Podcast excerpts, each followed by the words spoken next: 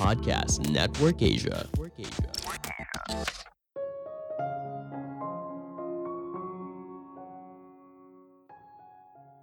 Inovasi berasal dari menemukan fungsi yang tepat dari sebuah barang yang ingin kamu jual. Halo semuanya, nama saya Michael. Selamat datang di podcast saya, Sikutu Buku. Kali ini saya akan membahas kisah inspiratif dari Aaron Krauss yang jadi miliarder berkat busa ajaib yang diberi nama Scrap Daddy. Dirinya tidak pernah menyangka kalau busa pembersih dapur merupakan penemuan terbaiknya. Menariknya lagi, busa ajaib ini bisa berubah teksturnya menjadi keras atau lembut tergantung temperatur air yang digunakan. Hingga akhirnya, hidupnya berubah menjadi miliarder berkat busa ajaib. Sebelum kita mulai, buat kalian yang mau support podcast ini agar terus berkarya, caranya gampang banget. Kalian cukup klik follow. Dukungan kalian membantu banget supaya kita bisa rutin posting dan bersama-sama belajar di podcast ini.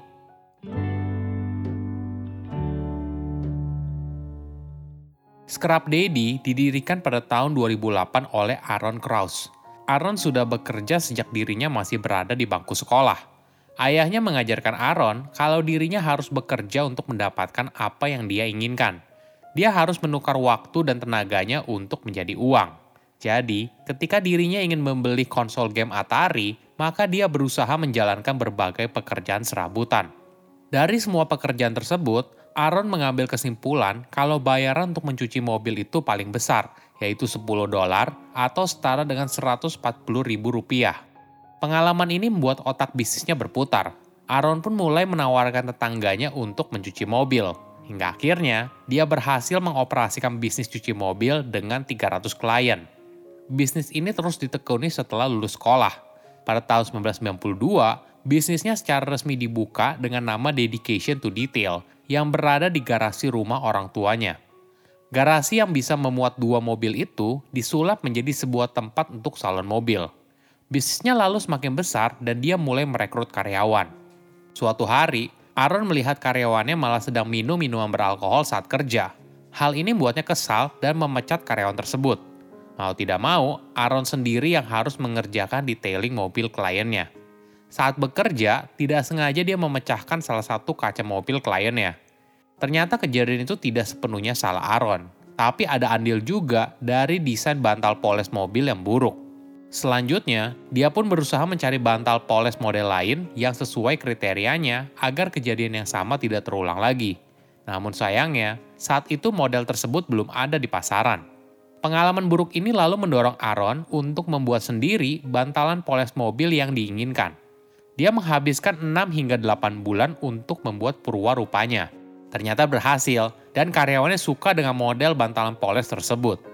Aaron pun lalu mematenkan hasil karyanya dan berusaha menjual produk itu ke berbagai salon mobil. Hingga akhirnya, bisnis salon mobilnya dijual dan dirinya fokus menjual bantalan poles mobil.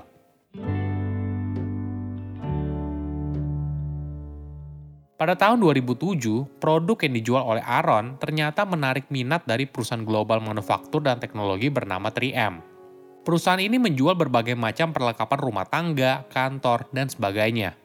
3M pun lalu membeli paten desain bantalan poles mobil Aaron dan berbagai penemuan lainnya. Saat itu, Scrap Daddy sudah ada, namun 3M menolak membelinya karena dianggap tidak punya prospek. Selama tiga tahun kemudian, Scrap Daddy masih dianggap sebagai produk yang prospeknya kurang cerah. Maklum saja, di tahap awal, Scrap Daddy diciptakan untuk membersihkan tangan kotor para mekanik. Produk ini lahir dari pengalaman Aaron sebagai pemilik bisnis cuci mobil, di mana kadang dirinya masih harus turun tangan mengerjakan mobil klien, tapi sehabis itu kembali ke depan komputer untuk mengurus bisnisnya. Kondisi ini cukup merepotkan karena tangannya sering kali kotor. Desain Scrap Daddy dengan dua lubang di tengah memudahkan dirinya untuk membersihkan jari. Namun konsumennya yaitu para mekanik dan pencuci mobil merasa produknya terlalu mahal dan tidak begitu penting. Aaron terus mengalami penolakan hingga akhirnya pada tahun 2011 ada sebuah kejadian tidak terduga muncul. Istrinya meminta dia untuk membersihkan furnitur luar ruang miliknya. Aaron pun lalu berusaha mencari busa pembersihnya dan tanpa sengaja menggunakan Scrap Daddy. Ternyata busa ajaib itu sangat membantu sekali pekerjaannya. Aaron pun lalu mencoba membersihkan cucian piring dengan scrap daddy. Hasilnya ternyata jauh lebih baik daripada busa biasa yang dijual di pasaran. Apalagi, jika kamu masukkan dua jari di lubang tengahnya, maka kamu akan lebih mudah membersihkan gelas hingga ke dasarnya. Ditambah lagi, kamu bisa membersihkan sendok atau peralatan dapur lainnya hanya dengan sekali tarikan jika dimasukkan ke dalam lubang senyuman Scrub Daddy. Pengalaman ini membuka mata Aaron. Ternyata selama ini, dia salah memposisikan fungsi dari Scrub Daddy produknya ternyata punya potensi tersembunyi. Aaron pun terus mengulik produknya dan setelah melalui beberapa kali percobaan, Scrub Daddy ternyata tidak merusak permukaan dari wajan, piring, dan sebagainya ketika dipakai untuk menggosok noda yang membandel. Setelah berhasil memposisikan ulang produknya, Aaron lalu fokus untuk menjual. Dia berusaha untuk memasukkan produknya ke beberapa toko di kota tempat tinggalnya, namun mereka menolak. Hingga akhirnya, Aaron harus minta bantuan temannya yang merupakan pemilik dari beberapa toko yang menjual bahan makanan pokok. Scrub Daddy pun berhasil dipajang di toko. Namun sayangnya produk tersebut tidak laku. Aaron pun berusaha menganalisa apa yang salah. Dia pun mendapat kesimpulan kalau konsumen tidak membeli produknya karena mereka tidak tahu kegunaan dari Scrub Daddy. Oleh karena itu, produknya harus dijelaskan dulu, barulah orang mau membelinya. Aaron pun lalu membuka booth di toko temannya, lalu melakukan live demo bagaimana Scrub Daddy bekerja. Konsumen yang lewat pun mulai memperhatikan dan akhirnya membeli. Strategi ini ternyata cukup berhasil. Lalu Aaron berusaha mendapatkan perhatian dari wartawan koran lokal tempat tinggalnya untuk menulis busa ajaib miliknya. Pada tahun 2012, produknya terpampang di halaman depan koran tersebut dan berhasil menggait satu juta setengah pembaca. Dari situ, kesuksesan Scrub Daddy terus naik. Seorang broker independen menghubungi Aaron untuk tampil di acara shopping TV bernama QVC. Hanya dalam 8 menit pada penampilan keduanya di QVC, Aaron berhasil menjual 4.000 set Scrub Daddy. Dia pun ternyata jatuh cinta saat berada di depan kamera. Bahkan dia sampai bilang ke istrinya kalau dirinya ingin menjadi selebriti di televisi.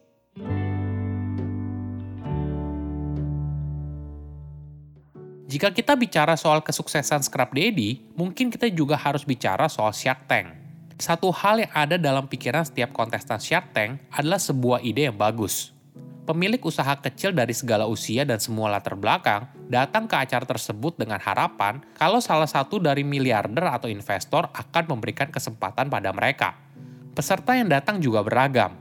Ada yang bisnisnya sudah menghasilkan uang, namun ada juga yang masih berbentuk ide atau prototipe.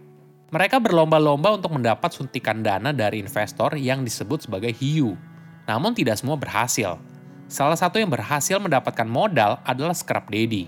Sejak penayangan episode Scrap Daddy di Shark Tank pada tahun 2012, produknya merupakan produk paling laris dari acara TV tersebut.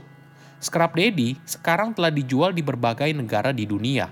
Hanya dalam waktu 4 tahun setelah episode perdananya di Shark Tank, Scrap Daddy berhasil terjual hingga lebih dari 110 juta dolar atau setara dengan 1,5 triliun rupiah.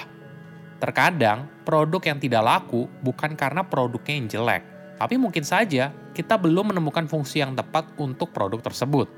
Saya undur diri, jangan lupa follow podcast Sikutu Buku. Bye-bye. Pandangan dan opini yang disampaikan oleh kreator podcast, host, dan tamu tidak mencerminkan kebijakan resmi dan bagian dari podcast Network Asia. Setiap konten yang disampaikan mereka di dalam podcast adalah opini mereka sendiri dan tidak bermaksud untuk merugikan agama, grup etnik, perkumpulan, organisasi, perusahaan, perorangan, atau siapa pun dan apa pun.